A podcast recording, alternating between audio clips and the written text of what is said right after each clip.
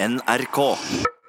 I dag skal vi snakke om den mystiske Pygmalion, kongen av Kreta som lette etter den perfekte kvinnen.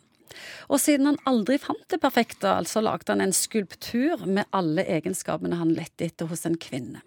Skulpturen viste ikke bare det fysiske, men hadde òg verdier, og han ble så perfekt at han ble gal av forelskelse, og han kalte han for Galatea. Og Pygmalions sterke ønske gjorde at Galatea ble levende, og de levde lykkelig alle sine dager. Psykolog Egon Hagen, hva skal vi snakke om i dag? Hva skal jeg svare på dette? Oi! Jo, det handler om at du tenker deg til suksess. Har du tro på det? Vi har tro på det. Alle oss som driver med psykologi må jo ha tro på det. Hvis ikke så må vi finne noe annet å holde på med. Ja. Det er en sammenheng. Det er sånn gjensidig avhengighet mellom hva du tenker om en ting, og hva følelsesmessige reaksjoner du får på den tingen. Så hvis du har veldig negative tanker og tenker at det blir alle noe flotte damer av meg, og jeg fortjener ingenting, og alt dette, så er jo sannsynligheten stor for at du ender opp eh, relativt dårlig. Men hvorfor er suksess avhengig av vår egen overbevisning veldig ofte? Du skaper, som du roper i skogen, får du svar. Det er jo ikke sånn at verden forholder seg helt uh, nøytralt til deg. Verden forholder seg til deg litt ut ifra hva du sender ut sjøl. Og hvis du sender ut alle ting som tyder på at du ikke er noe særlig til kar, eller at du ikke forventer å få noe særlig ut av livet, eller at du ikke er så nøye med om du får kjekke dame eller ei, for å si det sånn, så er jo sannsynligheten stor for at det blir sånn. Og hvis du tenker at jeg kommer ikke til å lykkes i dette, de andre på denne målstreken her ser jo mye bedre ut enn meg, og så vil du komme på innoverpust, du vil komme på grininga, og du vil egentlig ha relativt dårlige forutsetninger for å knuse de andre. Hvis vi tenker på f.eks.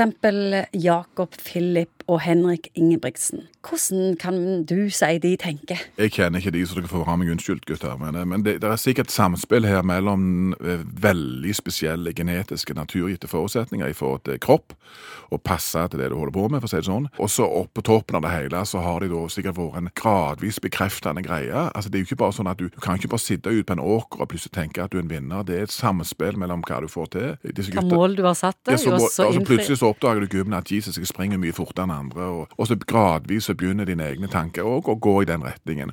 Og så er jeg sikker på at de etter hvert også blir flinke på å lage seg et sånn et tunnelsyn i gitte situasjoner, hvor de på en måte bare fokuserer på de tingene som de vet gir de løft og tro og den rette state of mind, egentlig. Enorme tro på seg sjøl. Det høres deilig ut. Ja, men du må på en måte det, for du kan ikke ha distraksjoner eller energilekkasjer sånn psykologisk sett, og da renner det ut eh, si, psykisk energi og fysisk energi på ting som ikke får deg framover i det hele tatt. Så kan du godt tenke komplisert og variert og selvkritisk og alt dette når du er ferdig med å springe, men akkurat når du springer, så ringer vi, så får vi heller eh, se hva som skjer etterpå. Vi som ikke har forutsetninger for å bli verdensmestere i noen ting som helst, hvordan kan vi bruke den Galatea-effekten i hverdagen?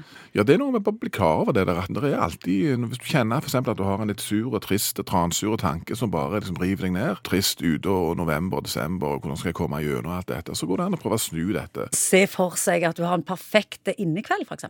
Eksempel, eh, alle har vi jo sånne små milestones. Alle skal jo ikke springe rundt en bane. Det er jo hver med sitt. Det interesserer ikke meg, men det interesserer helt sikkert disse gutta, for de er grævlig gode på det.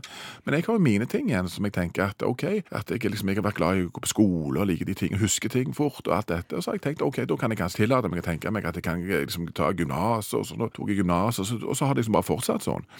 Men det er jo et sånn samspill mellom det jeg opplever, altså verdens egne tilbakemeldinger til meg sjøl, som òg gjør det lettere selvfølgelig å holde fram noen positive tanker. Det som er viktig, er at hvis du er lagd sånn og har hatt mye negativitet kanskje i oppveksten, så må du bli klar over det. For det kan være en klamp rundt foten din som holder deg nede, og som gjør at ikke du egentlig kan nå det potensialet som du faktisk kan nå. Og da er det lurt å trene seg gradvis på å ha tanker som er mer positive, mer løftige, og som mer handler om hvordan du maksimerer de kortene som du har fått tildelt. Og vi har fått forskjellige kort. NRK.